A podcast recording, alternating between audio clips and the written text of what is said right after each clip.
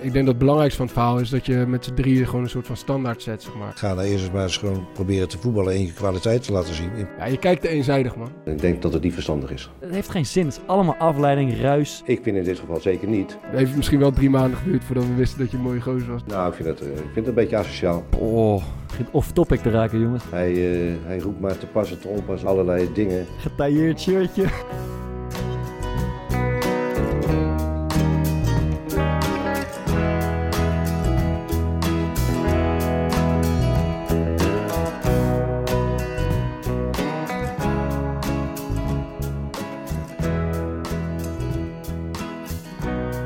Yes, dit is aflevering 9 van de Core Podcast. Leuk dat eh, je weer luistert. En eh, Maarten, ik wil beginnen met eh, het verhaal dat wij Dennis, de directeur van het Kruispunt, hebben ontmoet vandaag. Ja, was Dat fantastisch. is mooi, hè? Ja, we hebben natuurlijk vorige week de Barkie van de Week geïntroduceerd. Ehm, ja, met veel lof onthaald moet ik zeggen. En eh, we hebben een trainingspak gebracht naar eh, de directeur van het kruispunt bij de Erasmusbrug. Het mooie was, je had het trainingspak binnen en wij wonen aan hetzelfde kruispunt. En we hebben allebei eh, ongeveer anderhalve dag op de uitkijk zitten staan. Is hij er al? Is hij er al? Hij was, hij was twee dagen even onder de radar. Maar ja, ik maakte me zorgen, Ja, ja. moet ik zeggen. Ja. Maar hij was er, ehm, ja, rond etenstijd zag ik hem ineens verschijnen vandaag. Dus heb ik jou direct geappt en dan zijn we gegaan. Er stonden er. En hij was, hij was laaiend Nee, hij was top, man. Hij zei ook, eh, ja, het, eh, het- het geld dat gaat toch ook eh, snel op aan rommel. Dus ik ben er super blij mee. En mijn trainingspak was net versleten, dus eh, het, eh, het was in goede handen volgens mij. Het gaat goed met hem. Dennis heet hij. Dennis de directeur, ja, absoluut. Ehm, we moeten even beginnen met de twee eh, mededelingen van eh, huishoudelijke haard. Eh, wij zouden het op prijs stellen als je op enige manier of enige wijze een beetje plezier beleeft aan de podcast. Dat je je abonneert op de iTunes app, geloof ik. iTunes Ja, podcast, podcast app of Spotify. Ja. En eh, mocht je kritiek hebben of eh, een lofzang of iets ertussenin, dan eh, is een review eh, altijd welkom. Dus eh, Ga je graag. de gast nog introduceren? Ja, dan gaan we nu weer beginnen. De tweede mededeling is ons. We hebben als eerste, voor de eerste keer een, eh, een gast in ons midden. En niet zomaar in. Michel Breuer. Welkom. Hij is erbij. Leuk, Mies. Leuk dat je er bent. En eh, een eh, goede presentator die begint met eh, het benoemen van je palmares en alles wat je hebt, hebt gepresteerd. Maar ik ben, eh, ik ben er niet zo klaar? in. nee, nee. Ik ben, ik ben gewoon eigenlijk benieuwd dat de zwarte gat waar een oud profvoetballer invalt, is dat een fabeltje of is dat iets wat echt bestaat? Nou, nou, voor mij is het een fabeltje. Ja? hoor. Ja. Je hebt je geen, eh, je verveelt Ik heb je me geen moment verveeld. Ik heb ook eh, twee kinderen, dus daar ben je vrij druk mee. Ja, Nou, ja, je hoort wel eens dat mensen, ja, dat ze zeg maar niet weten wat ze moeten doen of dat soort dingen. Of Ja. eh, depressief worden, maar... eh, maar er is toch ook... eh, wij hebben een paar jaar samen gevoetbald, hè, Thomas. Ja. Er is toch iets in dat voetbal wat zo intens is dat je dat na je carrière niet gaat kunnen beleven? Of heb ik dat helemaal mis? Ja, ja, je zou het zeggen, maar ja, misschien als je, in mijn geval, als je tot, wat is het, tot 38, 37 doorvoetbalt, Ja, ja, dan houdt het ook wel een keer op. zeg Dan- maar. dan- dan besef je misschien ook wel, nou, het is klaar, het is ook leeg. En, eh, ik, ik had bij jou niet het idee dat het aan het eind van je carrière Nee. leeg was. nou ja, ik, nogmaals, eh, of tenminste nogmaals, ja, nou, ik, ik had wel doorgewild, maar ja, aan de andere kant weet je wel, ja, als het, als het eh, nog een jaar duurt, het is gewoon een keer af op die leeftijd. Ja. En dat, was, dat was toen. En, ja, ik heb het wel goed kunnen accepteren. Maar was dat Ja, eigenlijk eh, omdat je geen nieuwe aanbieding kreeg? Of? Ja, zeker. Denkt Frit Grim er ook zo over? Dat je het goed hebt kunnen accepteren? Ja, ja, ik denk het niet. Maar eh, Leg uit. eh, nou, ik, eh, in de tijd dat advocaat kwam, was Fred Grim eh, was assistent. Die deed eigenlijk alle, alle veldtrainingen en dat deed hij eigenlijk hartstikke prima. Was een prima trainer. Maar goed, het ging mij allemaal niet voor de wind toen advocaat kwam. Want eh, voor mij was het eigenlijk wel een beetje, een beetje gedaan. Dat voelde ik wel. Geeft ook verder helemaal niks, maar... Voor, ik- mij, voor mij ook, Mies. Voor Bart ook. maar ik probeerde daar natuurlijk een beetje tegengas te geven. En eh, ja, je probeert toch voor je kans te gaan. En op een gegeven moment, ja, je voelt gewoon van, ja, dat gaat gewoon, dat gaat gewoon niet lukken. Nou ja, dan heb ik wel iets in mijn karakter. Dan word ik wel een beetje vervelend en een beetje lastig. Ja, en ja als Fred Grim, die geeft dan op dat moment, eh, die leidt de training en die is dan de baas op dat moment. Ja, dan was ik af en toe wel eens een beetje eh, te kritisch en eh, dat ik overal wat van vond. En ja, je hebt voor je gevoel ook gewoon weinig meer te verliezen. En, eh, Ja. dus je gaat overal tegenin en eh, ja, je wordt gewoon eigenlijk een vervelend mannetje. Dus eh, ja, dat lag wel een beetje bij mij. Kijk je er met spijt op terug? Of denk je van, Nou. nou, zo ben ik gewoon. Nou, zo ben ik. ik heb daar niet veel spijt van. Ik bedoel, dus, nogmaals, nu lijkt het net of dat ik, eh, dat ik Fred Grim eh elke dag helemaal verrot heb gescholden. Dat valt ook wel mee, maar ik was wel een beetje tegen de draad. En nou, niet spijt, maar dat, eh, ja, dat lag wel Was je blij met het moment dat je, dat je uiteindelijk bent gestopt met voetballen? Of had je willen uitstellen of misschien iets willen vervroegen? Hoe bedoel je? Nou, je bent, zeg maar, eh, Ja. het is twee seizoenen geleden gestopt. Ja, Eh, en het eindigde wel met die degradatie volgens mij ja nee, daar heb ik helemaal nooit, ja, nooit moeite mee gehad dat dat het einde was. Ik, ja, ik, ik had al, toen we met Sparta promoveerden naar de eredivisie, toen was ik ook al een jaar of 36. En eh, ja, toen hoorde je ook al van, ja, nu moet je stoppen, want je kan niet meer in de eredivisie. En dan, eh, ja, dan loop je voor lul of dat soort dingen. Ja, Ah, daar, heb ik echt... eh, maling aan. ja, ik ik had, ja, ik vind Mhm. gewoon het voetbal leuk, dus ik, ik wil dat gewoon blijven doen. Ja. En uiteindelijk weet je, als je doorgaat tot, tot in de 40, er Ja. zal vanzelf een keer een moment komen dat je, dat je voor lul loopt. Ja, ik bedoel, dat, ik vind om ergens mee te stoppen wat je heel leuk vindt, omdat je anders misschien eh, dat andere mensen vinden dat, je, dat het er niet meer uit, uitziet. Ja. Ja, dat, dat, Geen Gaan we, het, eh, gaan we het misschien gaan we het later over hebben? Want we hebben voor goed. achter de schermen vandaag willen we het over eh, kritiek op tv, kritiek in de kranten hebben wat, en wat dat met je Ja. doet en met ons doet allemaal. Maar ik wil eh, voor nu even beginnen met eh The Last Dance, jongens. Ja, mooi man. Ja, man. ja, het is, ik vind het echt een, eh, weergeloze serie. En een, wat, eh, vooral, wat me vooral... nou, de, de centrale vraag die een beetje blijft hangen is... eh, We hebben het allemaal gekeken, Michel een klein stukje, jullie volgens mij best wel veel. Eh, die, die Michael Jordan is, is gewoon in niets een, een prettige kerel. Het is gewoon een hele onaangename gozer. Tenminste, dat is hoe die op mij afkomt. Ja, op het, tijdens trainingen. nou, gewoon eh, het hele beeld wat er wordt. Maar ook nu, vind ik. Ook in die interviews, nu die 50 jaar is of zo. Ik, ik Ah, zie hij, er... is, hij is gewoon snoeihard. Hij is snoeihard. Ja. En de centrale vraag is volgens mij een beetje... is, is, is zijn manier van, van, van leiderschap in de tijd dat hij speelde... wat best wel duidelijk naar voren komt... hard en dan gewoon een tiran en het pesten... en trei- treiteren van teamgenoten en, en tegenstanders... is dat de, de blauwdruk voor, eh, voor succes van die ploeg? En dat is een beetje de centrale vraag die blijft hangen, vind ik, in die serie... En eh, ik ben benieuwd hoe jullie daarover denken. Is dat, is dat het het fundament voor succes? Nou, je, hoort dat, je hoort dat best veel nu, toch? Dat heel veel mensen zeggen van... Ja, die Michael Jordan, die was niet alleen zelf heel goed... maar die zorgde ook dat de rest van de ploeg... eh, dat die het best uit zichzelf haalde. Ja. Doordat hij zo eh, liep te jagen en, en best wel negatief was... en eigenlijk het niet erg vond dat niemand hem mocht. Ja, ik, ik denk dat je dat alleen kan doen... als je echt zo goed bent als Michael Jordan was. Als je, Hoezo? Dan, dan kom je ermee weg als je zulk gedrag vertoont. bedoel Ja, je? precies. Dan, ja, dat is eigenlijk gewoon precies hoe het is. Ik bedoel, En ik denk ook dat dit de manier is waarop hij excelleerde. En ja, je hebt het over de beste basketballer aller tijden. Ja. Dus als dit de manier was waarop hij op zijn allerbest was... dan is dat waarschijnlijk ook de manier waarop je ploeg op zijn best is. Ik weet, ja, ik weet, dus mijn vraag was eigenlijk, is het, vind je het inspirerend als je dat zo kijkt naar de manier waarop hij zijn sport te lijf gaat en zijn, eh, en zijn teamgenoten bejegent? Of vind je het een beetje afstotelijk eigenlijk? Oh, kan ik allebei zeggen? Van mij mag je, ja. nou, ik vind het wel inspirerend. Hoezo? Ja, ik vind, ik vind het wel mooi. Want hij, hij legt de lat voor zichzelf super hoog. En Ja. dat betekent dat hij de lat voor anderen ook heel hoog legt. Dus Ja. Eh, dat is wel iets wat heel duidelijk is. Het is hij, hij loopt niet z- zijn teammaten voor niks eh, af te kaffen. Maar uit ik, te ik weet niet, je- je- het doet een beetje voorkomen alsof die, alsof die ploeg het nodig had dat hij zich als een soort tiran, een s- gewoon een motherfucker gedroeg in de, in de- op de trainingen. Hij eh, sloeg letterlijk teamgenoten op, op, op een mel voor, voor geen enkele reden eigenlijk. Ja, is En één het- keer gebeurd, toch? Ja, maar het blijft, het blijft een beetje. Het is een beetje dat onderliggende verhaal. toch, Dat hij eigenlijk steeds soort van niet accepteert dat teamgenoten. ja, en dan de eh, niet, aan zijn of, Ja. of niet aan het niveau voldoen. En ik vraag me af, het- wat er een beetje blijft hangen is... dat is de manier waarop je eh, successen beleeft. Vijf jaar, tien jaar lang. Maar ik vraag me eigenlijk af of dat wel... eh, of het niet eerder ondanks dat gedrag is... dat ze zoveel succes hadden. Nee, ik- denk, ik denk dat, eh, dat je er wel eh, gewoon beter van gaat basketballen. Maar het betekent niet dat... eh, ik denk dat het belangrijkste van het verhaal is dat je met z'n drieën gewoon een soort van standaard zet, zeg maar. Mm. En, en, en, dat je, en dat je heel duidelijk de grenzen bewaakt van... Ja. Ja. ja, ook de ondergrens bewaakt van wat je wel wil zien en wat je niet wil Mm. zien. En daardoor eh, zijn dingen wel duidelijk. Maar had, had, had eh, Michel als een tiran tekeer moeten gaan in zijn tijd? Je bent denk ik vier, vijf jaar lang aanvoerder van Sparta geweest en, en bij andere clubs. Had hij als een, als hij als een tiran tekeer was gegaan, had dat de ploeg vooruit geholpen? Nou, Nou ja. Ik denk dat dat, dat, dat, dat, dat niet kan. Het is geen hele rake vergelijking. Nee, denk maar ik, ik, ik, wat Thomas zegt klopt. Dat, ik denk dat dat klopt.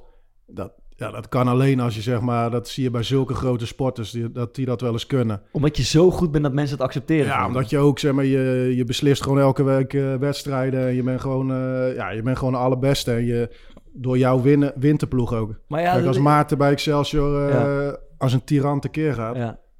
Dan gaan ze allemaal... Man?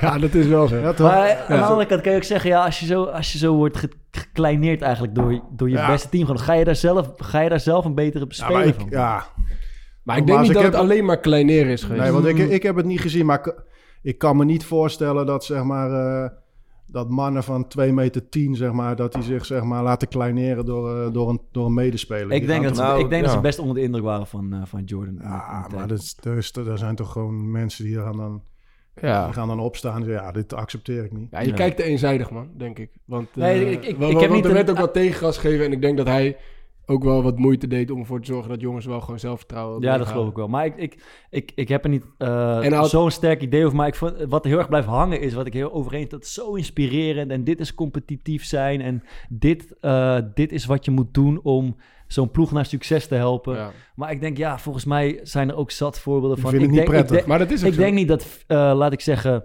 nou, laten we het bij de sport houden. Bijvoorbeeld Virgil van Dijk of Maldini of, of Messi of ik zeg maar wat. Ja. Dat zijn natuurlijk... Ik denk niet dat dat achter de schermen... Van Ronaldo? Klootzak. Ronaldo Ja, Ronaldo, meer. denk, daar denk ik inderdaad dat het hetzelfde is. Ja, Ja. ik denk dat precies die twee...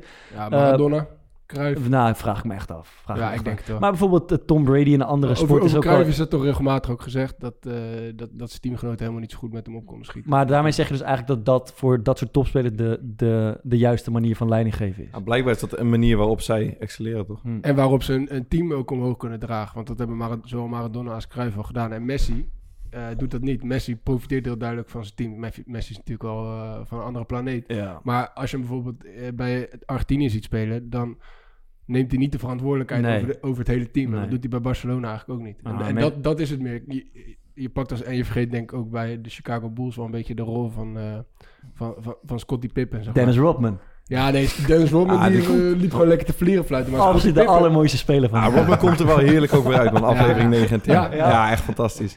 Ik wil één...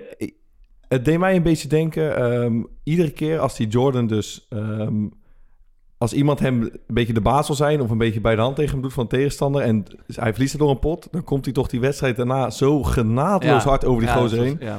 En ja, dat is wel het, knap. het is gewoon... Je moet dus als teamgenoot op een gegeven moment gehad hebben... van als je ziet dat hij zo'n dag hebt... van ja, wat er vandaag ook gebeurt... hij schiet, hem, hij schiet de 60 binnen. Ja, En dat deed me wel een klein beetje denken aan eh, wat Cristiano Ronaldo soms heeft. ja, ja, zeker. Dat je vooral in die Champions League, in die, in die knock-out fase, weet je gewoon, hoe, maakt niet uit hoe Madrid of Ja. je Dan mag hij me wel een keer verrot schelden, zeg maar. Ja, maar ja, je weet, en, da- en dan ineens tweede paal, boom, Ronaldo, Ja, wedstrijd ja ik, in de voetbalwereld is inderdaad... Ronaldo is het een beetje misschien het equivalent van, eh, van Jordan. Die heeft ook dat, ja, dat nare en dat, dat, dat competitieve, maar ook dat... maar ook dat op- zo ja. belangrijk Ja, op ja, de sleutelmomenten dat, je, dat, dat bijna iedereen Ja. zegt van... Maar vooropgesteld is het een prachtige serie. En eh, het, ja, het, het zou ook prettig zijn als, we dat, in- als je in de voetbalwereld ook zoiets achter de He- he- schermen heeft kan iemand van jullie eigenlijk wel eens met iemand samenspeeld waarvan je zegt van... Hey, die, die trok de kar echt, maar echt heel erg. Ja, toevallig, ik was met een vriend van mij eh, over, hierover aan het praten. En ik zei van ja, ik, hadden- ik had precies hetzelfde gesprek zeg maar, met hem. Het wordt nu een soort van neergezet alsof, eh,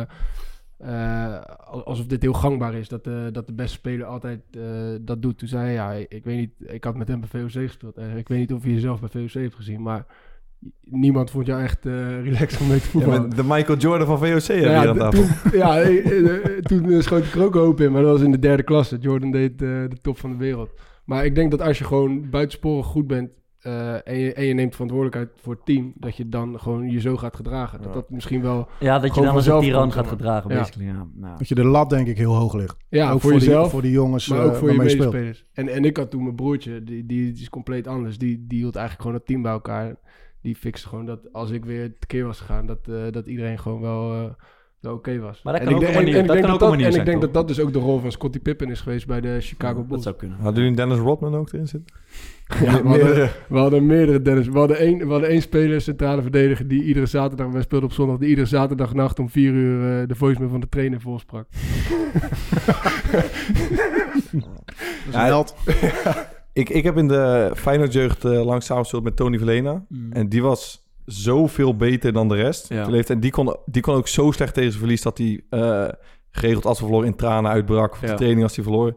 Maar hij had ook datzelfde. Dat je in de wedstrijd eh, gewoon vaak maar dat van... we geven de bal maar aan hem. Maakt niet uit waar die stond. Ja, dat is wel lekker. En die ging ook vaak uit zijn plaat. Maar ja, dat, dat was toen ook bij Feyenoord in de jeugd een beetje ding van... ja, als iemand zo belangrijk voor je is en zo goed... weet je, la- la- ja, laten we dan maar gewoon zijn gang gaan. Mies, wie is jouw meest fanatieke teamgenoot?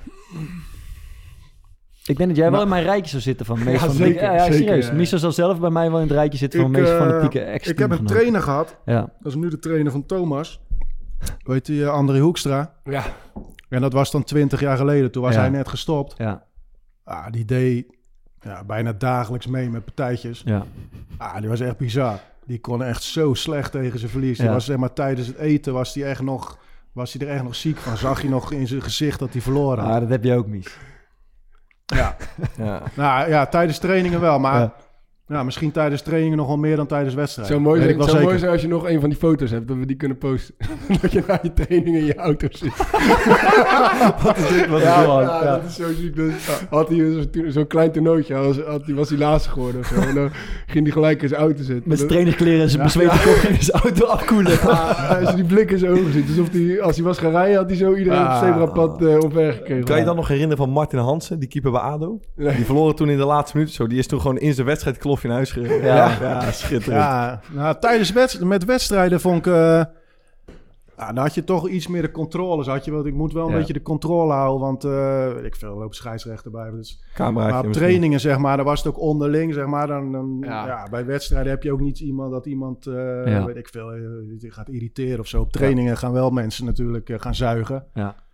Ah, dan had ik, ja, niet, het was niet altijd, maar had ik Nog wel een keer eens naar huis klein- gereden? kleine partijtjes. Ben je ook eens naar huis gekregen, gewoon voordat de lunch eh, begon? Nou, om ik ben, ja, stomach ik ben één keer ben ik weggestuurd op trainen. Toen ben ik, eh, ben ik naar... Ja, toen was ik zo boos, jongen. Ben ik ook weggereden en toen had ik een eh, maat gebeld. En die zei van, nee man, je moet, je moet gewoon terug. Je moet gewoon naar dat eten. Ben ik nog omgekeerd. Waar was, je kwaad over dan? Ja, ik, dat was bij... eh, Zal van haar mee te maken gehad. nee, het was bij Herenveen bij, bij Ron Jans. Ik, eh, ik, ah, ik weet niet, ik, ik was er zo verschrikkelijk klaar mee. En eh, Ah, je weet het ik wel. riep ook...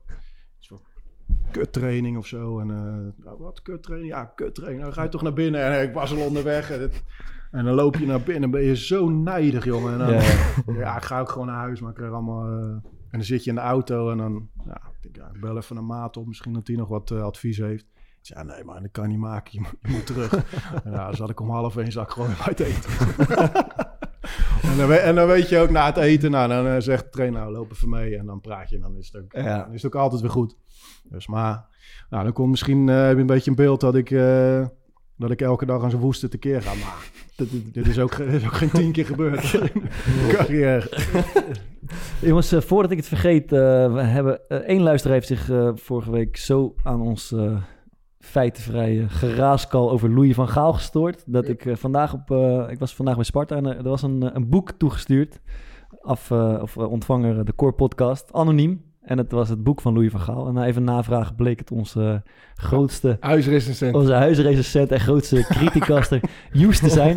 En eerlijk is eerlijk, jongens, we, waarderen zijn feedback, maar we waarderen ook zeker dat hij dit boek heeft Ja, gestuurd. ik heb het, eh, Ah, ik bij- vond wel eh, deze week dat hij wat meer eh, energie had gestoken in het geven van feedback dan Ja. in het luisteren naar wat wij precies zeiden. Want Ja. hij had een hele hoop eh, dingen verkeerd Kan je geïnterpreteerd. een voorbeeld geven? Nou ja, bijvoorbeeld over Louis van Gaal. Ik was helemaal niet zo, eh, nee. ik was helemaal niet zo negatief. En, eh, en volgens mij ja, gingen we best wel dieper in op, op zijn totale mensprincipe Ja. en zo. En, en, en, en hij, hij vond het... hij vond dat wij ons verwenden, ons als verwende Ja, jij voetballers liep- eh, jij liep- gedroegen ja, door, jij de, liep door de barkie van de week. En doordat we liepen Ja. te zeiken dat we geen salaris... In... Eh, vond ik ook maar jij hebt wat te zeiken over dat geld vorige week, toch? Ja. Ja, ik, ik, vond, eh, ik vond het symboolpolitiek, vind ik nog steeds. Maar eh, dat betekent niet dat ik niet bereid ben om geld in te leveren. Maar Mm. je moet wel gewoon... eh, je moet niet zomaar zeggen, bij ons aankomen van... we komen in de problemen, dus er Ja. moet geld af. Er moet wel, er moet wel wat tegenover staan, zeg maar. Ja. En, en dat vind ik gewoon te weinig. Mm. Maar het moest even gezegd, Joes. eh, Bedankt Hebben voor jullie Louis van bedankt. Gaal nog gezien deze week? wat, wat Bij was het? Ajax? Hij werd... nee, nee, ja, bij Ajax ook, Dat ja. hij die groep toesprak. Stond het even uit te Hij leggen. mocht een groep, groep toespreken. Gewoon in het Nederlands, hè? Ja, Ten Hag deed het in het Engels, maar dat was bij Vergaal niet, eh, niet gebeurd. Nee, want dan Ja. hadden ze gelijk... eh, Als je in mijn tijd bij Ajax had gespeeld, dan Ja. moest je gewoon Nederlands leren. Ja. Ja. En, en hij zat ook met Gudde bij eh, Studio Sport natuurlijk. Heb je dat gezien? Nee, man. Eh, daar kwam hij ook niet helemaal eh, vlekkeloos uit. Gudde, die had, ik vond Gudde wel sterk daar. Gudde, die, die heeft gewoon heel duidelijk verteld. die zei ook heel mooi, hij was een relaas aan het houden over wat de KVB allemaal wel niet fout had gedaan. Ja. Toen zei Gudde, ja Louis, meestal heb je gelijk, maar nu heel duidelijk niet. En toen kwam hij gewoon met een aantal feiten, ja, waarom ze de besluiten hadden genomen die ze hadden genomen. Dat was best sterk. En hij had, eh, Louis van Gaal was onder de tafel geluld. Nou, dat is vrij lastig. Hij kwam nog wel een aantal keer terug met dezelfde feiten en met dezelfde dingen. En, Ja, eh, ja, en dat hij het alsnog er niet mee eens was. En dat dat zijn mening was, want hij mag toch wel een mening hebben en zulke dingen. Nou, ja. Mooi jongens, als we het toch, eh, toch even over leiderschap hebben, wil ik nog heel even terug naar Dick Advocaat. Onze, onze uitzending van, wat was het, twee weken geleden, waarin we de wedstrijdbespreking hebben besproken. Ehm, die, wa- aan de ene kant waren we best wel lovend over de, de, de toon en de, de passie van Advocaat. Maar qua inhoud, en was zeker ik zelf, ben daar niet zo van onder de indruk. Eh, en en eh, Michel, jij hebt hem ook meegemaakt in dezelfde periode. Ja. En de, eh, vooropgesteld is, hij vond ons slechter dan dat wij hem vonden. Dat is duidelijk. Hij vond ons echt een heel matig, matig ploegje. En wij waren dan weer niet zo onder de indruk van bijvoorbeeld de wedstrijd bespreken. Maar de vraag is, ehm, hij gaat vervolgens naar Utrecht. En ik denk, hmm, ik weet het niet. Succesvol. Hij gaat vervolgens naar Feyenoord. En ik denk, "Ah, een beetje makkelijke keuze van Feyenoord. Daverend succes. Ja. Hoe is dat mogelijk? Ja, Bart. Dan vraag je me wat. Nou ja, ik, de- ik denk dat... Ja, ik zit er een beetje net zo in als, eh, als jullie. Ja. Maar ja, ik heb me dat ook afgevraagd. En nou, bij Sparta, zeg maar, dan zou je kunnen zeggen van... Oké, spelers niet goed. Ik Dat, dat kan allemaal. Ja. Maar ja, als Ook je- niet zoveel slechter als dat bijvoorbeeld Utrecht. Nee, oké, maar als, ik, vind- eh, ik vind dus als je dat dus zegt... van ja, oké, eh, selectie niet goed, wat, wat, wat allemaal kan... Ja. ja, dan moet je bij Feyenoord ook wel zeggen... selectie wel goed. Ja. Ja. Dus ja, ja ik, dus dan kom je er dus uiteindelijk... Ja, je, ja, dan is het niet zeg maar helemaal te verklaren hoe dat dan... eh Nee, het is hier gewoon- wel en daar niet. Want ik heb gewoon, ik heb, en jullie ook, we hebben gewoon, eh, geloof een half jaar echt goed opgelet. Ik was echt nieuwsgierig van waarom is deze trainer zo, zo'n trainer van statuur? En, eh, en hij heeft, ja, wat hij eigenlijk doet is terug naar de basis gewoon. Dicht bij elkaar, hard werken, veel passie erin gooien. Maar van eh, periodisering en heel veel tactische analyses en videobeelden, daar, daar was allemaal niet zoveel sprake van. En de tegen- trainers van tegenwoordig, die zijn er veel meer in geschoold. Dus dan denk je van, ja, het is eigenlijk dood eenvoudig. Maar het blijkt verdomd goed te werken bij. Ja, maar dat is dus de, dat is de basis waar iedereen het over hebt. En die andere zaken als periodisering, wat jij net schetst, is heel belangrijk. Maar dat Ja. zijn wel randvoorwaarden. Denk ik niet, toch? Ja, denk ik wel. Ja? Ja, blijkbaar werkt het toch? Maar ja, dat is dus de vraag. Nou, maar ik, ik, denk, ik denk dat hij dat gewoon uit de handen geeft. Dat deed hij bij Sparta ook wel. Want bij Sparta was Ja, niet dat we was- helemaal niet meer eh, conditioneel trainen. Dus daar zat wel een bepaalde... Jullie deden toch gewoon iedere dag hebben hetzelfde? iedere dag hetzelfde gedaan. En dat was, dat was- ik vond het prima trainen, dat was fijne trainen, maar we hebben hele, was helemaal niet een soort van groter plan achter. Dat weet je toch ook? Nee, maar volgens mij hadden we wel gewoon een, eh een inspanningsfysioloog die gewoon wel zorgde dat we nog wel redelijk aan onze, aan onze meters Ja. kwamen en zo, zulke dingen. En, en dat geeft hij dan wel uit handen. Dat zal hij bij Feyenoord nu ook wel doen. Ik bedoel, eh, Ja, bij Feyenoord zullen meer mensen aanwezig zijn. ja, die- daar Ja. heb je een veel sterker team op dat, eh, Ja. op, op dat Maar gebied. ik, ik denk hoe het bij Feyenoord op mij overkomt, is dat het onder Stam, eh zo'n lekker cliché, maar allemaal eilandjes waren. En ze probeerden het wel. En iedereen, het zag eruit alsof iedereen ontzettend zijn best deed, maar dat, het sloot niet op elkaar aan. Die ruimtes klopten Ja. voor geen meter. Ja. Ehm, wat jonge jongens zoals die Kokshoe, zie je dat hij hartstikke getalenteerd is, maar toch op besliste momenten iedere keer net niet. Ja. En zo'n advocaat komt erbij. En op de een of andere manier passen dan die, die stukjes wel in elkaar. Ehm bij balverlies staan ze ineens wel achter de bal. Ja. Eh, als ze voor de goal komen bij de tegenstander, klopt het net wel. Ja, of dat dan een vertrouwenskwestie is. Of... Maar wij gingen ook beter presteren onder advocaat dan onder pastoor. Ja, uiteindelijk eh, onderaan de streep wel. Dat is waar. We maar- hadden meer punten. Ja. Volgens mij eh, hadden we zes, zeven meer punten dan... Wat eh, spelers erbij. Zijn ook misschien Maar wel- daarom, we, we Ja, de- ik, ik had toen, eh, een paar weken geleden, had ik- had ik Corpot eh, nog eventjes aan de telefoon over die, kop, over die podcast. we hebben hem weer even genoemd. Hij is- toch? hij is Elke week erbij. eventjes. En hij begon toen ook weer, hij begon toen ook weer van, ja, waar, waar was het nou fout gegaan Ja. maar, bij Sparta? En ja, ja, hun eh, analyse is toch wel dat, dat ze te veel gelijkwaardige spelers hadden. Ja. En, eh, en dat ze niet heel duidelijk eh, een een team konden bouwen daardoor. Doordat ze iedere keer weer dachten op training, nou, die doet het goed, gooien die erin. Doet die het goed, Ja. gooien we die erin. En dat dat eigenlijk te veel eh, een beetje aan bleef modderen. Ja. En dat de winteraankopen ook niet echt eh, een daverend eh, succes waren. Ja, ja, ja. Nou ja, dat is misschien wel... eh, ik, denk dat je onder advocaat niet echt een hele zieke ontwikkeling gaat maken als, eh, als speler. Mm, Maar dat je wel eh, gewoon wat lekkerder in je vel kan, kan komen te zitten... waardoor je misschien wat beter gaat voetballen. Ja. Het, het, het grappige vind ik gewoon dat die, die aanpak die blijkt dus heel goed te werken. Feyenoord is Ja. waanzinnig hoe dat gaat. Maar Het is niet complex of zo. Ja, maar je moet het ook niet overdrijven. Hè? Want bij Feyenoord in de eerste weken, zeg maar, hij heeft wel bijna alles gewonnen. Ja, hij staat- maar, je- maar je wil ook niet bijna weten alles hoe gewonnen. die eerste wedstrijden, hoe die die won. Ik ben, ik ben toen toevallig bij die wedstrijd tegen Emmen geweest Ja. thuis. Ja, als ze die hadden verloren, dan, eh, was ook, dan had je Ja. niks kunnen Ja, zeggen. maar ze hebben nog geen keer verloren, VVV. toch? Nee, ze hebben alles gewonnen uiteindelijk. Maar dat Ja, is, dat is twaalfde. Maar het is niet, het is niet dat ze... Dat, en op een gegeven moment toen kregen ze wat zelfvertrouwen. De laatste paar wedstrijden wonnen ze ook echt overtuigend. Maar Ja. daarvoor ja, z- z- ja, zat het met eh, Ja. houtjes en touwtjes aan elkaar vast. Ja, maar ik heb gewoon een paar keer gedacht van... Misschien is dat gewoon alles wat we nodig hebben. Duidelijkheid, passie, gas geven. Ja, maar wij hadden het dus... eh, bij ons was het niet genoeg. Net niet, maar we werden, werden ook wel iets beter van. Maar misschien en dat is is het... denk ik ook wel... Ja, dat jaar bij Sparta, als je onderin komt... Ja, Ja. Ja. dan weet je ook vaak... Nou, het maakt niet zoveel uit wie je voor de groep zet. ja, Het gaat alleen maar minder worden. ja. Maar hangt het ook niet gewoon heel veel eh, met toeval een beetje aan elkaar dan? Ja, maar Ja, ik maar denk, als ik we- denk maar- niet dat het toeval is Nee, dat maar, hij kijk, alles maar heeft als, gewonnen maar als wat. Thomas net schetst, die wedstrijd tegen Emmen. Stel ze verliezen die en het weekje daarna zit je er, valt het ook net verkeerd om, je verliest die ook. Zeker. En bij Sparta, ik weet niet hoe jullie de eerste wedstrijd onder hem zijn gegaan. Ook Emmen. Ja, en voor hetzelfde geld win je die. Hm. Het valt En bij dat- hem wel echt snap verdomd je vaak dat het- altijd het goede kantje op. Ook bij ons toen. De, Ja, we dat is geen ook toeval, man. Hadden wij ook wedstrijden dat we echt dachten, thuiswedstrijd tegen NAC, thuiswedstrijd Mm. tegen VV, dat we dachten van ja, hoe kunnen we deze wedstrijden gewonnen hebben? Zij, Ja. NAC kwam volgens mij vier keer één op één eh, in die wedstrijd. Die Ja. miste echt, voor, volgens mij nog voor open goals, ook zo'n dingen. Roda uit, ehm Rosheuvel, die heb ik denk de grootste kans ooit zien missen. Zulke dingen gebeurden Ja. allemaal. Het gebeurde allemaal. Ja, ik Ja, weet ja. echt niet wat dat is, maar het gebeurde wel. En het gebeurt iedere keer, bij iedere club.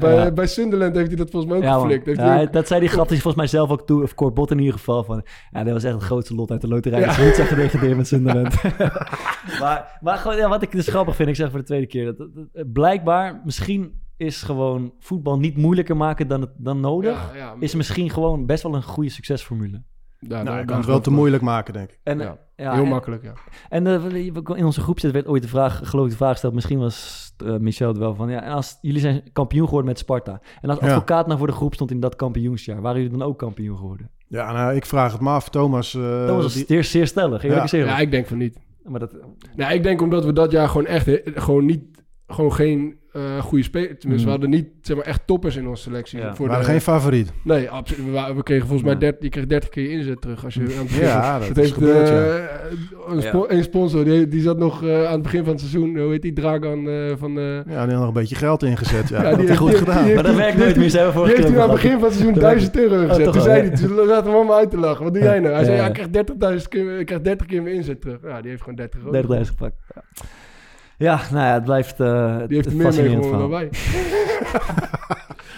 Ehm, jongens, achter de schermen vandaag gaat over eh, kritiek.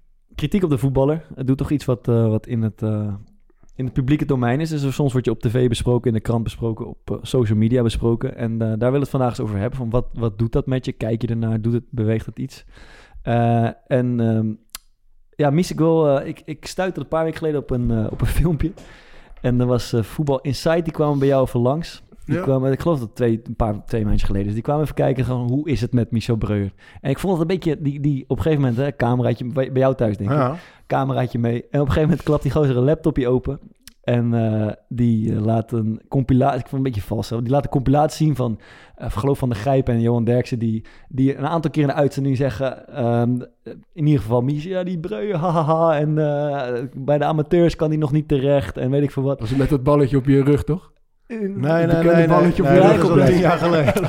Maar, eh, Die is weggehaald. Ja. ja. En, en wat me opviel is, daarna vraagt die gozer, ik, eh, die, ik, vond, ik vond het een heel matig item, maar daarna vraagt Ja. die gozer aan jou, van, wat doet het met je? En jij zegt eigenlijk, ja, is toch mooi? Ja, het, het, het kan me eigenlijk niks schelen. Ja. En ik denk, ik ken je een beetje en ik denk, volgens mij ligt hij. Ja, deels, deels. Ik heb dat stuk natuurlijk al vaker gezien. Dus Ja. het is, ja, dan, kun je, dan reageer je ook niet van, nou, ik zie het voor het eerst zo. Wat is dit nou? Ja. Dus je, je weet al van, nou, daar heb je dat, eh, heb je dat filmpje weer. Ja, ja precies. Maar ah, ik moet eerlijk zeggen, ik denk dat er niemand is, als ze zeg maar over jou zeggen van, nou, eh, Bart Vriend eh, moet man. mee met de G-elftal Nee, kan er niks van. Die dat zeg maar, dat die daar helemaal denkt van, ah, dat doet me echt nul. nee, natuurlijk Dat niet. doet me echt nul, Nee. want jij bent zeg maar gewoon druk met jouw voetbalcarrière en Ja. je bent daarin hartstikke zelfkritisch en je weet best van, nou, ik ben niet zo goed, maar Ja. ik doe wel mijn best en ik probeer, eh, als iemand da- dat zeg maar gewoon even in twee zinnen, jouw eh, eh, amateur en Ja. zwakzinnig, dat soort dingen, ja, dat, dan heb je wel zoiets van, ah, wat de fuck zeg je man, waar gaat het over? Ja, Maar, nou, ik ben, ik ben dan, bedoel, ik denk daar wel over na, zeg maar. Dan heb ik al heel snel van, ah ja, weet je. Nou, ja, aan de andere kant, ja. Je rationaliseert het gelijk. Ja, gelijk. En denk van, ja, weet je, moet ook eh, mezelf niet serieus nemen. En als iemand dat wil... Maar ja, ik moet, ach- achteraf zeg je, je zegt wel iets netjes erover. Je zegt, ja, goed, ik heb eh, twintig jaar lang gedaan wat ik, wat Nou, ik mooi dat- vond. ja, en het is dat- goed gegaan. En als mensen daar eh, iets... sommigen zijn er positief over en sommigen zijn negatief over. Dat vond ik, vond ik een goede reactie. Ja. Maar iets... Ik, ik zou het Nou, zelf... het is- ik, ik, vind, ik ga je eerlijk zeggen, ik, vind het, ik zou het heel erg kut vinden als Nou ja, iemand op het tv over mij Wat ik zeg, niemand vindt het prettig. Maar ik heb, ik heb wel altijd, heb ik daar, eh, heb ik eigenlijk gewoon gedacht... Oké, ik heb twintig jaar gevoetbald. Ik heb bij elke trainer heb ik gespeeld. Wat ik bedoel, dat was eigenlijk, Ja, dat wilde ik. precies. Ik wilde spelen. Dat, eh, dus ja, dan moet er ook iets zijn, zeg maar, Ja. wat ik goed gedaan heb. Ja, ja. Maar je, bedoel, dat, bij Sparta, Heerenveen, overal heb ik gespeeld. En dan ben ik eigenlijk, ben ik eigenlijk, eigenlijk tevreden mee. En dan weet ik zelf wel, nou, heb ik wat goed gedaan. ja. Ja, en als iemand dat dan zegt, is wel vervelend. Maar dan, ja, ik, Ja. pro- ik probeer me zeg maar zo min mogelijk te laten, laten beïnvloeden. Maar Ah. ja, er, is niemand, er is niemand die zegt van, Nee, oké, boeit me niet. Is Nee. toch grappig. Volgens mij, ja, sterker nog, volgens mij is het... eh, ja, laat ik voor mezelf spreken. Volgens mij is het bijna voor mij een soort doemscenario van... oké, ik speel een slechte wedstrijd. Ik hoop niet dat ze me, eh, belachelijk gaan maken. En dan één keer is prima, twee keer is prima... Ja. als het een soort repeterend verhaal Nou ja, wordt. als je zeg maar zo'n Ja, item een als Manolev shows. of zo. Maar dat is ja. volgens mij letterlijk, dat is volgens mij het Pepper, volgens mij doemscenario van wat je in de media kan overkomen. Dat Ja. je een, een, dat je een Ja. soort van terugkerend, eh, Ja. grappig... Want ze Klopt. pikken, gewoon, ze pikken gewoon één fragment uit uit een, uit een wedstrijd die slecht was. Een slechte voorzet of Ja. een kut. Ja, dan wij ook En die kan je uit iedere wedstrijd kan je, kan Dat je doen wij van elkaar ook wel eens. Natuurlijk, ja, natuurlijk. ja, dus ja, het is wel lekker. Maar het, voor, het verschil is dat het niet in de media Nee, gebeurt klopt. Als het natuurlijk op tv komt en dan je weet van nou, eh, je moeder zit te kijken, dat is allemaal niet prettig. Nee, en onder elkaar is ook gewoon mooi, toch? Ja, nee, dat is elkaar hartstikke mooi, gewoon eh, kunnen confronteren met dingen die... Zeker. die dat Ja, bedoel ik, zeg maar. toch?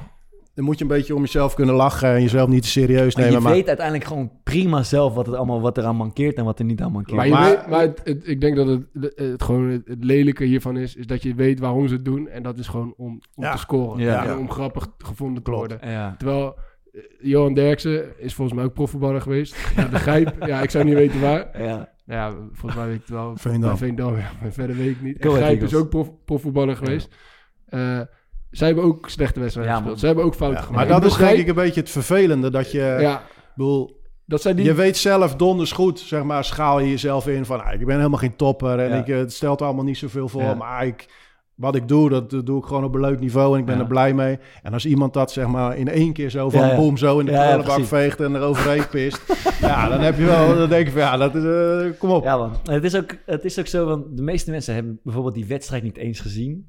En dan kijken dan, weet ik veel, 2 miljoen mensen naar het Ja. programma. En dan eigenlijk is in één keer, alle mensen die wedstrijd niet hebben gezien, hebben zo'n pad Ja, maar ik denk Breuer dat- is kan er niks van. Dat zo- Zo'n beeld, dat gaat echt snel. Dat ja, gaat snel. Dat is echt zo. Dat is echt ik, niet normaal. Ik, ik kwam toen bij Sparta. Dat was een, eh, toen, toen werd al door iedereen gezegd... eh, ja, toen werden jullie 16 in de, in de Jupiler League. eh, nog wel bijna gepromoveerd. Toen, werd, toen hoorde ik al overal zo... Ja, die Breuer die staat er achterin.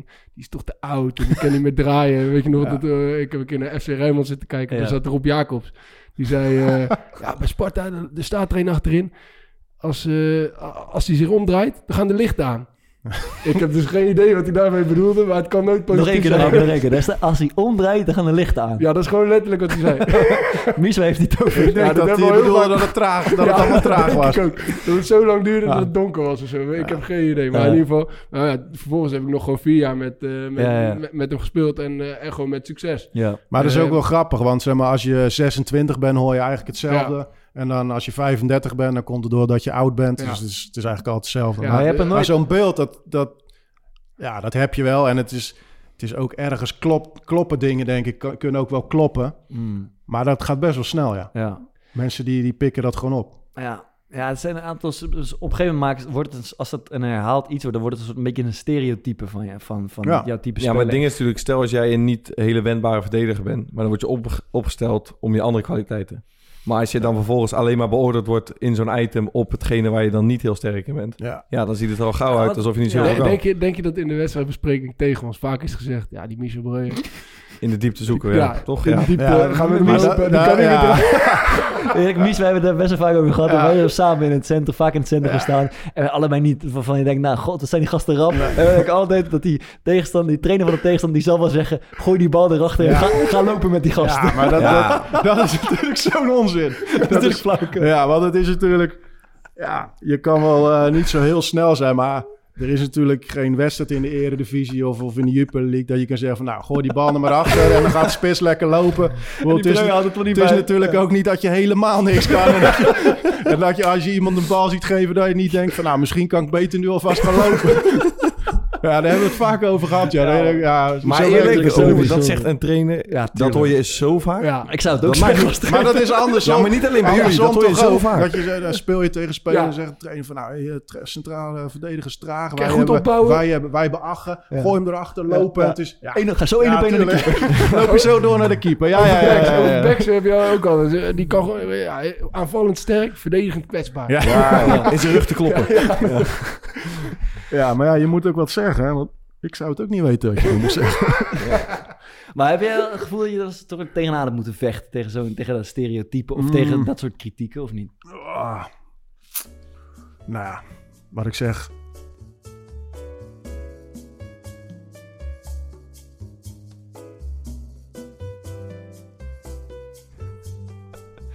Ja, het is eh, amateurisme ten top. We blijven amateur. de Core Ja. podcast. Het SD-kaartje was vol, dus we hebben, eh, we hebben ongeveer, ik denk 20 minuten zitten lullen. Goede inhoudelijke discussie gehad. En we gaan nu, eh, ja, we gaan toch We even toneel spelen dat we dat nog een keer spontaan gaan eh, overdoen. Ik weet niet waar we gebleven zijn, maar ik, ik geloof dat we ongeveer bij eh, kritiek op de voetballer, eh, en we pakken de draad gewoon weer op, jongens. Ja. En eh, mijn eerste vraag is, Maarten, jij speelde een paar, week, paar maanden geleden, denk ik, je hebt tijd op de bank gezeten. En op een gegeven moment eh, is het jouw moment, je mag spelen en je, je doet het goed. En Hij was goed hoor. Jij was erbij, Mies? Ja, was goed. Ik was erbij. Ik heb met déjà vu. Ja. We gaan nu hetzelfde grapje maken. maar goed, eh, maar de- ga je dan de volgende dag toch even kijken van... Goh, wat zijn de kritieken op internet, op Twitter, in de krant, wat dan ook. Ik heb dus wel eens gehoord dat jongens die zeggen dat ze die cijfertjes niet bekijken, dat ze dan liegen. Maar nee, ik kijk daar echt niet naar, man. Ik krijg het wel, moet ik bekennen, doorgestuurd van, eh, van mijn moeder af en toe. Ja, Maar ik zeg wel altijd tegen haar, ma, weet je, nu is het positief. Maar het kan zomaar negatief zijn. Dus weet je, hecht er geen waarde aan. Want ja, als ik me nu dus heel blij ben omdat ik een, eh, een 7 krijg in de VI... Ja. dan moet ik me dan ook heel kut voelen als ik een, eh, een 2 krijg.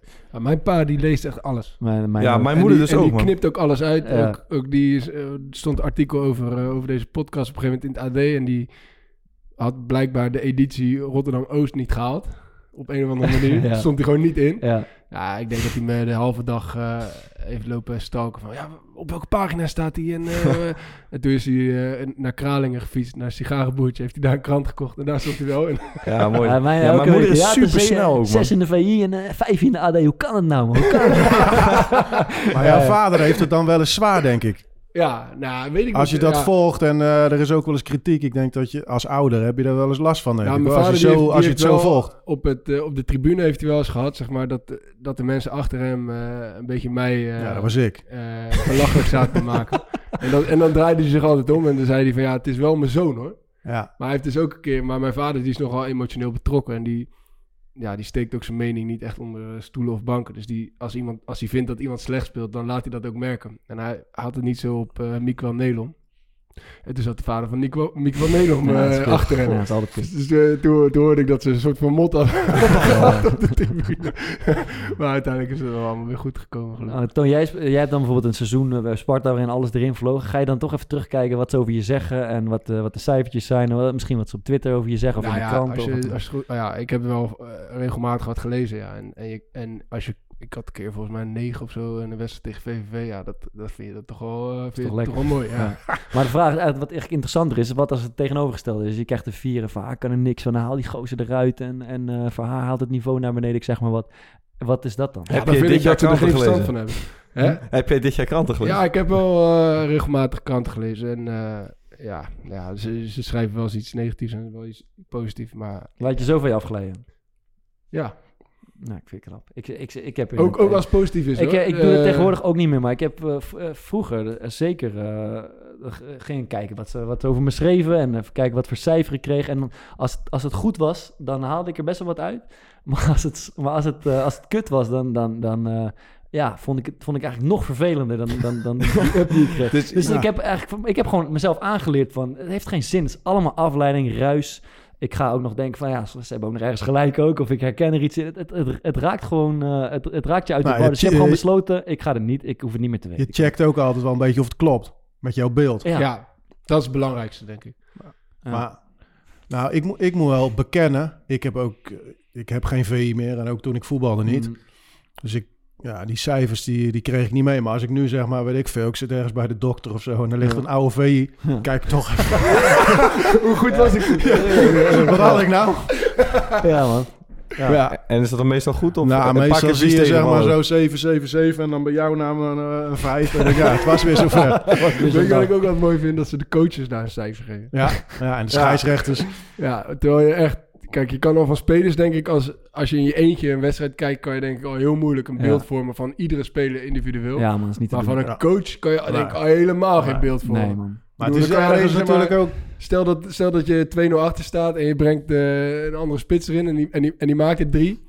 Dan krijgt de coach een 8. En, Ja. eh, en als er, Natuurlijk goed gedaan. Ja, en als er dan niks verandert, dan Ja. krijgt de coach eh, een 4. Dat is echt, ik vind dat, ik vind dat zo verwonderlijk. Maar het is toch best wel bijzonder eigenlijk dat door daarnaar te kijken, dat je je daardoor laat beïnvloeden door de cijfer. Ja, man. Waarvan je weet van er zit iemand op de tribune die beoordeelt gewoon Ja. eh, 22 Die spelers of er 11, waarschijnlijk weet ik het. Ja, of soms niet eens. Soms wordt het gewoon... eh, Ja, dat, dat- Ja. eigenlijk is dat natuurlijk te gek voor woorden. Ja, dat, maar je daar ook maar, eh, dat je daar eigenlijk waarde aan hecht. Maar Maar jij zegt ze hebben er geen verstand van, maar dat zijn wel degenen die, die de wedstrijd vertalen voor een heel groot publiek die de wedstrijd niet heeft gezien. Ja. Ja, ik vind... Kijk, ze hebben bij VI, op een gegeven- dat doen ze nu trouwens, ze hebben, ze hebben wel echt een, eh, een gedeelte van VI wat echt inhoudelijk heel sterk over voetbal schrijft. En daar, daar kan ik echt van genieten. Ja. Dus als zij iets negatiefs zo Ja. echt zouden schrijven, dan zou ik da- daar best wel... eh, daar zou ik dan wel veel waarde aan hechten. Mm. Omdat ik vind dat ze de dingen die ze schrijven ook echt hout snijden en goed beargumenteerd zijn. Maar ja, je hebt ook gewoon stukjes met wedstrijdverslagen. En, eh, en, en dat is gewoon toch gewoon van ja, een beetje een soort van sfeerverslag eigenlijk. Ik bedoel, eh, hij deed het goed. En eh, hij, hij had nog, eh, ik heb ook heel vaak gehad, zeg maar... Ja, ja, dat we kampioen werden. Toen nam ik op een gegeven moment een penalty in de laatste minuut. Toen hoorde je ook de verslaggever zeggen van... eh, hij heeft nog geen bal goed geraakt de hele wedstrijd. Dus Mm. zal dit dan de eerste bal zijn die hij goed raakt? Weet je Ja. Nou, een ik acht. Ja? En je weer een 8. Ja. Hey, maar de, die, de, de, media, de mainstream media is tot daar toe. Maar je hebt ook van die eh, supporters eh, fora. Ja, daar zat ik niet op. voor haar wel. Ik heb er ook nooit op gekeken. Maar Nee, Thomas, ja, jij wij- dan kijken. ja, wij- Want die zijn echt, wij- die nemen in geen onze- blad voor In onze tijd bij Sparta hebben we, regel- hebben we regelmatig eh, ook aan elkaar reacties eh, zitten voorlezen. Dan gebeurde daar intern dag na de wedstrijd. Gingen we even het forumpje erbij pakken. Kijken wat er over de Ah, medespeler vooral, gezegd. vooral Kortsmit moest het vaak ontgelden. dat was genieten. Ja. En die, die vond het denk ik ook het allermooiste voor iedereen. Ja, er maar er zijn ook spelers die er gewoon helemaal niet lekker op gingen. Hoor. Die er echt eh, die er, eh, bijna ja. aan de onderdoor gingen, denk ik. Ja, ja, maar goed. Ja, maar goed. Ehm, Maar ik heb eh, wel een aantal keer gelezen dat dan jongens die ook veel kritiek hadden gehad, dat ze zeiden van ja, ik zat daar vroeger echt veel mee.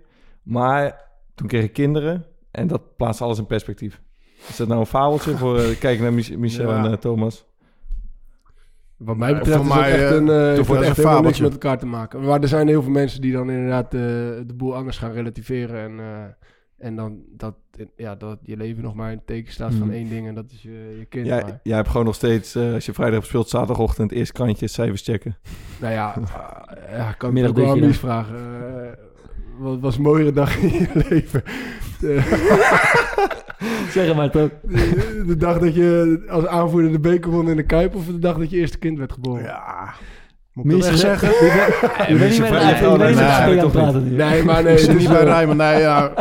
Nou, de totale dag is, is natuurlijk eh, een bekerfinale winnen is, gewoon- is gewoon mooier. Ja. Omdat dat, zeg maar, dat begint 's ochtends en dat, eh, ja, dat, dat bouwt zich op. En het gaat ook heel lang door tot s'nachts. Mhm. Dus ja, het is Jij niet te ook wel wat, eh Het eerste wat dan ik, denk ik. Maar, eh, Op ja, het gebied van? Alsnog, ja, van, van zulke soort dingen. Ja. Maar ja, als je kind geboren wordt, is het natuurlijk ook wel heel bijzonder.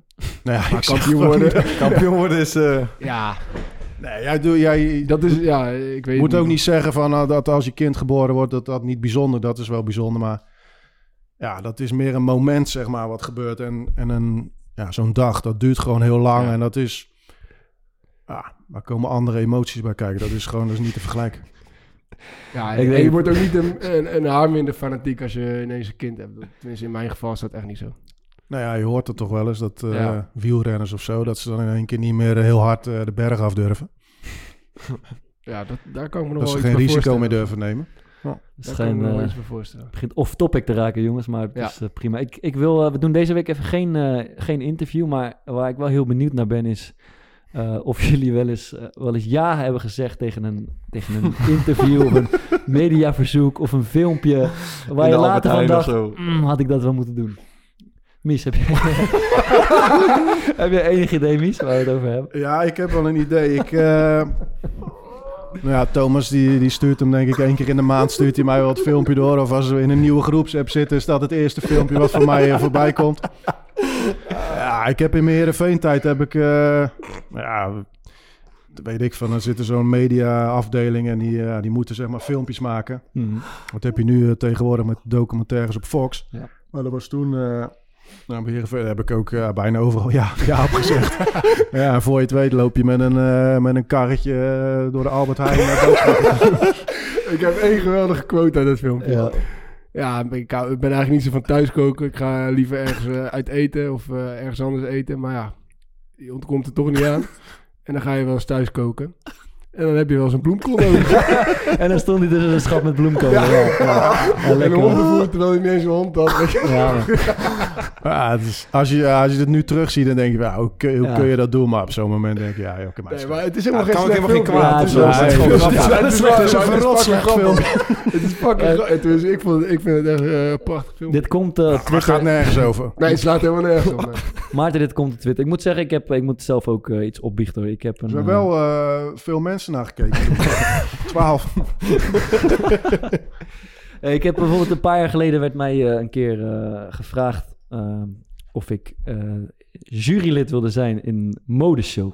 En dat Moet je altijd doen. echt Armoedig, joh. Ik denk dat ik net, net iets te hip eh, jasje had gekocht. En toen werd me dat gevraagd. En ik dacht, nou, je weet je, we doen het gewoon. En het was echt de grootste rampzalige middag uit mijn leven. Dus ik zit op een, eh, midden in de stad op een soort uh, verhogingje op een podium. Met eh, drie mensen, drie andere juryleden, die wel iets met mode en fashion hebben. En ik Maar jij bent er ook heel modieus. Ja, zeker. en, en Bart de- draagt Ook een af en beetje ijdel. ja. en het trekt dan een hele stoet aan modeontwerpers voorbij met hun modellen die dan hun kleding hebben uit, eh, hun kleding willen tentoonstellen. En dan was het aan mij was daar, om daar dan iets inhoudelijks over te zeggen. ik heb me nog nooit zo geschaamd. En ik zat, eh, en ik zat de hele middag gewoon te denken van godverdomme, als, als er maar geen bekenden langskomen. en ik zit hier. En wat zeg je dan? Ja, ja, Wat zeg je dan? Ga je toch een beetje zo, ja, mooie kleurencombinatie. Getailleerd shirtje. nee, dat was echt eh, armoede, jongen. En dat dacht ik echt. En ik hoopte dus de hele middag van, ja, er komen, ik hoop niet dat bekenden mij zien. Want ik zit hier op een verhoging te lullen over iets waarvan ik geen flauw idee heb. En, maar het was midden in mijn eigen stad. Dus ik kwam de ene, om de haverklap kwam niemand voorbij ik zag. Had Oh, ik dacht, daar graag af- voorbij gereden. Na afloop dacht ik echt, wat de fuck heb ik me, waar heb ik in godsnaam ja tegen gezegd? Ik begrijp wel dat ze jou vragen. ja, maar ja. Nee, dat is echt... ja, een- nee, snap ik ook wel. Dat, dat ze in Amersfoort, eh, dat ze uiteindelijk bij jou terecht En bordjes omhoog houden met cijfertjes. Ja. Nou, echt hoor. Maar Thomas, ik, jij zegt ook overal ja tegen. Ik Ja. zeg overal ja Ik tegen. heb jou het van zijn alles niet echt doen, dingen waar ik echt eh, spijt van heb, moet ik eerlijk zeggen. Maar Hmm. Mies eh, vertelde mij al dat hij wel iets had. eh, dus ik ben wel benieuwd. Nou, ik had eentje... Thomas was gevraagd bij Rijnmond. En toen ging het ook over advocaten en korpot, Ja, zeg maar. Ja, ja, ja, ja. Ja, toen had ik wel had ik het idee van... Ja, Thomas, maar waarom, waarom ga je in godsnaam zitten? Joh? Dat schiet toch allemaal niet op? Kwam er niet uit. Nee, nee, dat is waar. Nee, ook dat. Maar ja... Nou, je, je moet daar toch eh, iets kritisch of, of je moet wat zeggen. Maar je, ja, je blijft eh, oppervlakkig. Ik, eh, nou, ik denk dat ik het toen ook gestuurd heb. Ik zei, waarom, waarom, waarom ga je daar nou zitten? Ja, nee, ja, als, ik, als, ik daar, als ik ergens een keer zit, dan eh, staat het groep, groepsappie eh rood gloeiend. ja, ja. Ieder Ieder woord- jongens, vanavond 8 uur 15 inschakelen. Dan gaan we er allemaal voor zitten. Ja, ja lekker. Ja. Ja, Ja. Nou ja, ja ik was niet, eh, ik, ik heb niet helemaal vrij uitgesproken daar, maar Mail in de mond. Ja, wel een beetje. Ja. Ja, een gedeelte van dat, eh, van dat optreden staat, eh, is door Maarten Fokkert, eh, onze admin, eh, van de week op Twitter gezet, met, eh, waarbij mensen hun eigen... Er zaten wel een paar echt mooie dingen bij. Ja, ja? Ja, jongens, we gaan eh, naar het eh, rubriekje De oplossing van de week. Eh, en, en deze week is de, is, de, is, de, is de probleemstelling. Stel je bent 39, je voetbalcarrière zit erop. Je zit er warmpjes bij. Je zit er warmpjes bij voor de rest van je, van je tijd. En verder kan je niet zoveel. Wat ga je doen met de rest van je leven? Dat is, eh, dat is de vraag. En eh, ik, ben, eh, ik ben benieuwd. ja, Mies, het gaat toch een beetje over jou. Hè? We moeten eigenlijk jou een soort plan geven voor de rest van je leven. En uiteindelijk is het aan jou wie, wie met het beste idee komt. En Maarten, Cambridge Analytica. Gaan we voorlezen? trap op. Ja, ja, ja, ja, ik ga het Bij- nu voorlezen. Ja. De autocue gaat weer aan. Ja.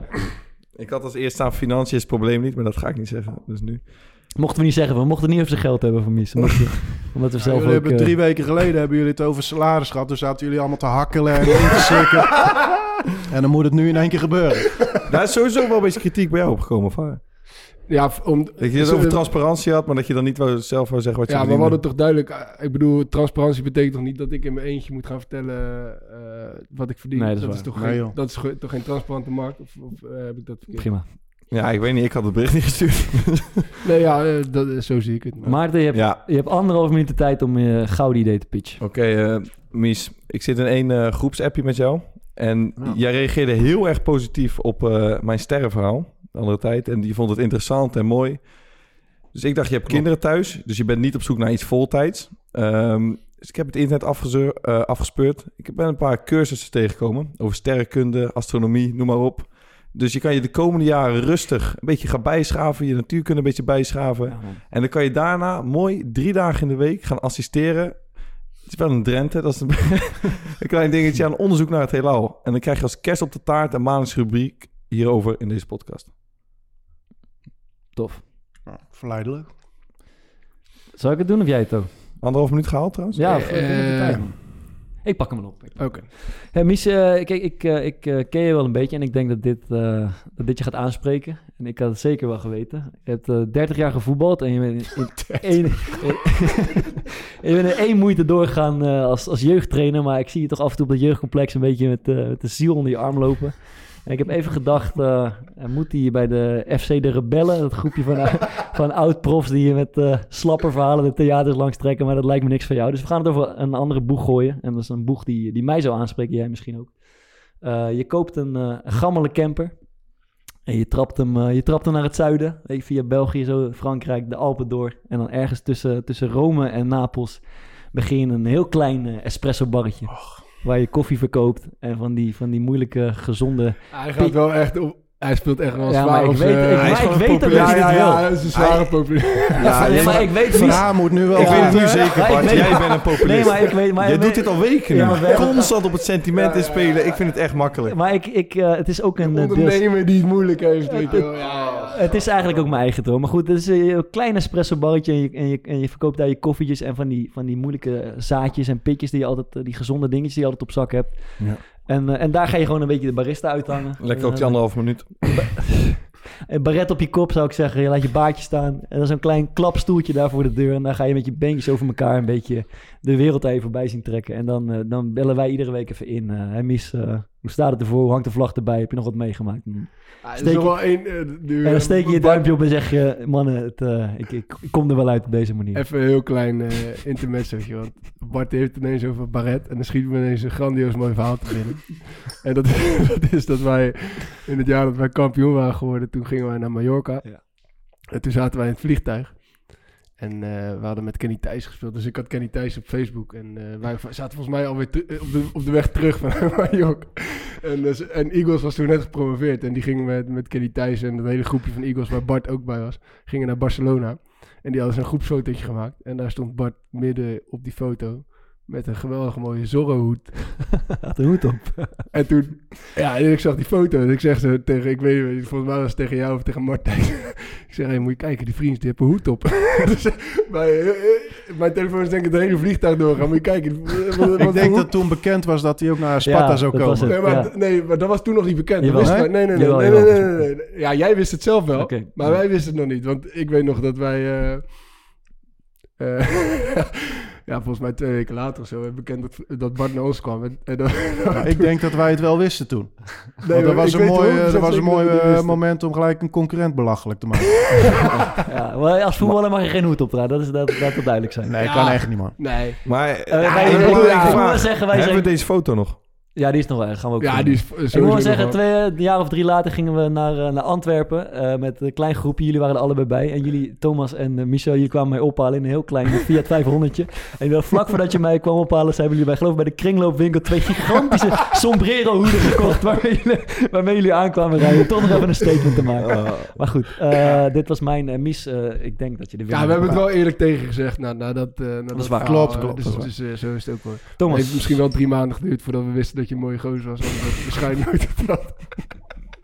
nee, ja, eh, mijn verhaal is... Ja, ik, eh, ik zoek het wat dichterbij. Dus ik bedoel... eh, ja, het kan niemand ontgaan zijn, ontgaan zijn maar er is een, er is een plekje vrijgekomen bij, bij Sparta in de technische staf.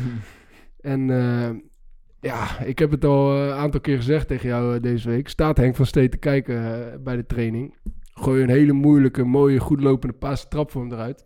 Ga een beetje staan schreeuwen. En, eh, en laat zien dat je, dat, je, dat je wat Oostblok bloed in je, Ja. in je lichaam hebt zitten. En eh, ja, doe, maak, doe een mooie sollicitatie om assistent te worden van, eh, van Henk Vrezen, zou ik zeggen. Dat lijkt mij de ideale stap in, je, in je carrière. Maar waarschijnlijk, ja, je, hebt in jouw ongevraagde kritiek eh, al vaker aangegeven dat het iets creatiever mocht eh, tijdens de oplossing. Dus eh, ik heb hem eigenlijk al opgegeven. zegt koffiebarretje. Ja.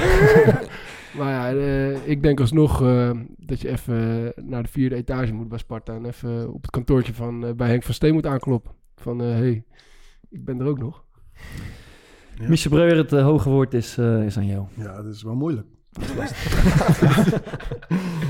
Dit blijft ook een kutrubriek. Jij vindt het ook niks eigenlijk. Nee, ik vind het een hele slechte route. ja, ik weet, sinds je dat zei, dacht ik ook, ja, maar dit is de laatste, laatste Ja? adem van de rubriek misschien. Nee, nee joh, nee, nee. nee. We gaan door. Zeg Maar, Wat eh, een populist, jongen, dit. Het is ja, echt niet te doen, nee, dat is ook... Als iemand had gezeten die heel positief was geweest over de Ja. rubriek, Nee, dan nee, had hij nee, iets heel Ik anders. tag eh. die car, bla bla. Maar goed. Nou. Maarten. Sterren, sterrenverhaal. Daar- word ik nog niet helemaal warm van. Die laat ik even lopen. Ja. En bij, van Thomas. Nou, ik heb toevallig vandaag wel eh, weer drie spelers naar binnen gestuurd. Ik denk, ik moet optreden. nee joh, ik, eh, ik, bij Sparta, ik zit, eh, ik zit hartstikke goed. Ik doe het samen met eh, Geert Arendroorde en... eh, nou, Bas ziet ons inderdaad wel eens lopen. Wij hebben het prima naar ons zin, dus eh, ik hoef daar niet weg. Voel me aankomen. Ja, dan weet je, dan blijft er één over. Maar maar het is toch ook gewoon echt een mooi plan. dus. het, het is een, een Ga je grandioos plan. mee? Of, eh, Nou, kijk, daar ga je. ja, Dus in een ja. camper met twee Daar ga Dat je. Ja, dat heeft plan, hij dus even niet Ja, bij ik, heb erover nagedacht. Ik, ik, ik, weet, ik wist het niet. Ik dacht of je moet alles achterlaten. of je moet mee. Je hebt trouwens Dus iedereen heeft natuurlijk. een beetje eh, wel de dat je vrouw droom van... gaat luisteren. Ah, ligt op de slaap. Iedereen heeft natuurlijk wel een beetje de droom van... Nou, zal ik een keer eh, met een camper Europa door Ja. even reizen? En, eh, maar ja, van Bart, het klinkt natuurlijk geweldig. En, eh, alleen hij vergeet één ding. Dat je natuurlijk eh, twee kinderen hebt. Passen allemaal in Een campertje, vriendin. Mies. Passen in er allemaal in. Maar ja, die zitten ook op school. Die gaan dan in één keer eh, Hmm. in Italië op school. Dus eh, ja, dat wordt hem wel. Ja, ja ik, eh, ik heb er ook hard voor moeten knokken. Ja, nee, terecht. Maar het is een goed idee. Maar die anderen waren ook, mooi. waren ook gewoon niet zo goed. Oké, we- voor de luisteraar die na al, al het amateurisme nog eens blijven hangen, eh, willen we afsluiten met, eh, met wat tips. En ja, eigenlijk, Michel, ben ik gewoon benieuwd waar jij mee op de proppen komt op, op een dag als deze. Ja, nou dat vroeg me net vooraf. Vroeg jij of ik nog een tip had. Toen Hmm. zei ik van, ja, ik heb nog wel een boek. Nou, toen ging je heel hard lachen. Beginnen we allemaal massaal te lachen. Ja. Dat jij dacht van, nou, die leest niet. Ja. Ehm, maar ik heb wel, ik heb wel eh, pas een boek gelezen. En we hadden het net over, eh, over leiderschap en Ja. dik advocaat. Ik heb een boek van James Kerr gelezen. Die heet Legacy. Over, gaat dat over eh, de All Blacks? Ja, dat Ja. gaat over de All Blacks, ja. Over de... Ligt op mijn nachtkastje toevallig nu. Ja, over Nieuw-Zeeland, dat, eh dat rugbyteam. En Ja. die doen natuurlijk... Nou, jij, eh, Maarten, jij hebt ook... eh, de HK heb je ook gedaan eh, in je tijd bij Heerenveen. Ja, laten we Dus jij zal, jij, zal het ook, jij zal het ook een mooi boek vinden. Ja, dat gaat over, het gaat over leiderschap, maar het gaat vooral over... Het is een heel succesvol team. En dat er een hele cultuur omheen gecreëerd is. Ja, en, eh, ah, dat, is, eh, dat, is, dat is gewoon leuk om te lezen. En hoe dat dan gaat in, eh, in zo'n elftal. Dus eh, Titel nog een keer, Legacy, zei je? Legacy. Oké. Oké, ehm, ik, eh, ik heb ook een boek deze week. En eh, het begint met een klein, eh, klein quizje. Er zijn drie vraagjes en ik ben benieuwd naar jullie antwoord. En dat eh, zegt uiteindelijk iets over de inhoud van boek. zijn we erbij. Eh, de vraag is, Maarten, eh, Maarten, ik verdenk jou ervan dat je het hebt gelezen. Dus als je het weet, dan moet je even je mail houden. In de afgelopen 20 jaar is het aantal mensen in extreme armoede wereldwijd... A, bijna verdubbeld. B, ongeveer hetzelfde gebleven. C, bijna gehalveerd. Mies weten. Mies heeft hem. Thomas Ik zegt heb hem hem. gelezen, denk ik. Ja, ik denk eh gehalveerd. Bijna gehalveerd. Ja. Oké, vraag 2. Hoeveel, hoeveel eenjarigen zijn wereldwijd gevaccineerd tegen een ziekte? A 20%, B 50%, C 80%. Jij weet het ook allemaal. Eh, Dus ik zit hier gewoon... eh, ik word even voor de leeuw Je gegooid. wordt zeker voor de leeuw gegooid. Ik denk 20%. Antwoord A 20%. Oké. Vraag 3, laatste vraag. Hoeveel mensen hebben wereldwijd toegang tot elektriciteit? A 20, B 50, C 80%. 80%. Nou, niet slecht. Uh, in alle drie de antwoorden zijn C. Dus het aantal extreme armoede afgelopen, jaar is bijna ge- afgelopen 20 jaar is bijna gehalveerd. Uh, het aantal eenjarigen dat is gevaccineerd wereldwijd is 80%. En het aantal mensen uh, die wereldwijd toegang hebben tot elektriciteit is 80% ook. Uh, het, is, het gaat over een boek van uh, Hans Rosling. Missie, heb je het ook gelezen? Feitenkennis? Ja, Factfulness. Ik, uh, ah, Engels. Ik weet niet. Maarten, jij hebt het ook volgens mij gelezen. Factfulness. Ja, het gaat in ieder geval over de... uh, de... Dat, zou jij, dat zou jij niet doen, denk ik, in het Engels. Jawel. nee, het is echt interessant. Legacy is ook Engels, hè? Het, is, het gaat over de, uh, ja, de, de, uh, de mate waarin we eigenlijk uh, gewoon slecht geïnformeerd zijn over de situaties in de wereld. En niet alleen slecht geïnformeerd, maar veel pessimistischer geïnformeerd dan uh, daadwerkelijk aan de hand is. Ja. En zelfs zoveel slechter dan als je het willekeurig zou kiezen. Dus je laat een aap kiezen tussen A, B en C. Dan doen wij het nog slechter dan die aap het doet. En dat komt door heel veel uiteenlopende redenen. Onder andere doordat media de neiging hebben om dingen negatief... Om, om dat uh, ne slecht nieuws... Wij uh, zouden je slecht, brengt de uitzondering. Nieuws, nieuws. Uh, leg, leg dat eens even uit. Waar, waarom zouden wij het slechter doen dan dat de aap dat doet? Uh, nou, omdat de aap, als ik zou kiezen tussen... Die zou bijvoorbeeld tussen drie antwoorden... Die zou dus in 33% van de gevallen uh, het juiste antwoord geven. Puur Ja. toevallig. En wij hebben uh, zo'n... Door allerlei factoren in ons en buiten ons... Zo'n slechte kennis van de wereld... Dat we denken dat het allemaal negatiever is dan het, uh, Ja. dan het daadwerkelijk is. Dus we hebben eigenlijk een soort van negatieve bias over dit. En dit boek gaat hier, uh, gaat hier over. En, uh, en het is echt interessant. Hij bagatelliseert niet het wereldprobleem, maar hij wil het wel in perspectief zetten van... Goh, uh, het is misschien helemaal niet zo slecht. Of het is nog steeds op veel plekken slecht in de wereld, maar het gaat beter en beter. Zeker de afgelopen 50 jaar. Ja, je hoort natuurlijk vaak, vroeger was alles beter. Maar als je dat in absolute getallen en zo gaat noemen, dan, uh, kom je er- niet heel sterk voor de dag. Nee, nee, nee. Dus dat is echt... En uh, wie geen zin heeft om een boek te lezen, zou ik de TED-talk van deze Hans Rosling willen aanraden. Die denk ik 10, 15 minuten, waarin hij een hele mooie graphics laat zien uh, hoe, het, uh, hoe het er eigenlijk voor staat in de wereld. En dat is uh, best interessant. Dus uh, factfulness is mijn tip. Mooi. Ja. Thomas. Ja, ik ga toch weer filmen. Ik bedoel, uh, ik had vorige week had ik een film gekozen, 12 Monkeys. Toen dacht ik, ja, ik kan natuurlijk niet zomaar met films komen zonder dat ik uh, echt mijn eigen favorieten heb, heb genoemd. Dus ik wilde nu... Uh, gokken? Wie is, ga jij gokken? Heb je enig idee? Nee. Big Lebowski zou ik De zeggen. Big Lebowski, ja zeker. De Coen Brothers, uh, ja, twee van mijn favoriete uh, regisseurs. Uh, ze hebben ook Oh Brother Where Art Thou gemaakt, ook absoluut aanraden. Maar de Big Lebowski is wel echt een van mijn favoriete films. Uh, uitleggen waar die over gaat is onmogelijk. Echt onmogelijk. Zeker als je mensen ook daadwerkelijk er wil toe bewegen dat ze hem gaan kijken. Maar ja, de karakters in die film en de, en de droogheid en, en de, ja, de, de, niets, de nergens opslaande verhaallijn is echt uh, gruwelijk goed. En uh, ik denk niet dat iemand hem gaat kijken naar dit. ik heb hem gezien. Ja, ja, dat is prima. Wat vond jij ervan? Uh, ik, ik vond het wel een leuk, een toffe film. Ik moet, de eerste keer vond ik het niks. De tweede keer vond ik het, uh, begon ik het uh, te waarderen. Maar ik ben niet zo dol enthousiast als jij. Maar ik weet dat heel veel gasten het hele vet Ja, het zijn zeker bij hun. zijn ook films die je vaker moet kijken ja. voordat je ze echt... Hoezo heb je hem nog een keer gekeken als je niks vond? Is, omdat, ik, omdat ik wel van overtuigd ben dat het een hele toffe film is. en dat, dan vind ik het jammer dat ik de eerste keer dacht, tien jaar geleden, dat ik dacht, ah, okay. nee, ik voelde het niet echt. En dan ja, oké, okay, er zat echt lang, lang tussen. Ook ja. tussen ja. Big Lebowski. Ja. Maarten. Um, de, de correspondent, uh, die doen op hun podcastkanaal nu de artikelen die ze publiceren, doen ze een aantal van ook inspreken. Hm. Dus dan hoef je het artikel niet te lezen, kan je er gewoon naar luisteren. Dat heb ik een, uh, heb ik een aantal van gedaan deze week. Ik moet zeggen, dat beviel uh, heel goed. En ik ben bezig in een boek van eh, een biografie van Alexander von Humboldt. Eh, dat was dus in de 18e en 19e eeuw echt een wereldster. Het is een man die onze kijk eh, op de natuur compleet veranderd heeft. En daar echt eh, de bouwstenen voor heeft gelegd van hoe dat nu is. Maar toch een beetje in de vergetelheid geraakt is. Dus daar ben ik nu ongeveer halverwege. En eh, die bevalt echt top. De ontdekker van de natuur heet hij trouwens. Oké, jongens. Eh, dat was het. Mies, leuk dat je er was. Kom, kom vaker langs. Dat zorgt voor een nieuwe dimensie aan tafel. Denzel Dumfries misschien? Ja, de- ik sprak hem gisteren. Hij vond het. eh, hij- ik, zei, eh, ik sprak hem over iets anders. Hij zei: De boys gaan door met die, top, eh, met die podcast. Hartstikke leuk. Toen zei ik: ja, Misha komt, eh, komt morgen langs. Dus, eh, ja, ik hoop misschien, dat... eh, Misschien is het een opening voor jou. Hij zegt: Ha, fuck, hartstikke leuk. wil Ga wel, luisteren. hij, wil- hij, hij lacht het, hij lacht het tot nu toe. Iedere keer lacht hij het een beetje weg. Nee, hij begint, het begint te kriebelen bij. Maar ik kreeg een hartelijke groet eh, in ieder geval van hem. En ik voelde dat er een, eh, door dit eh, optreden van jou, dat er ook een opening is voor, voor Denzel. We zijn los. Bedankt voor het luisteren en tot de volgende.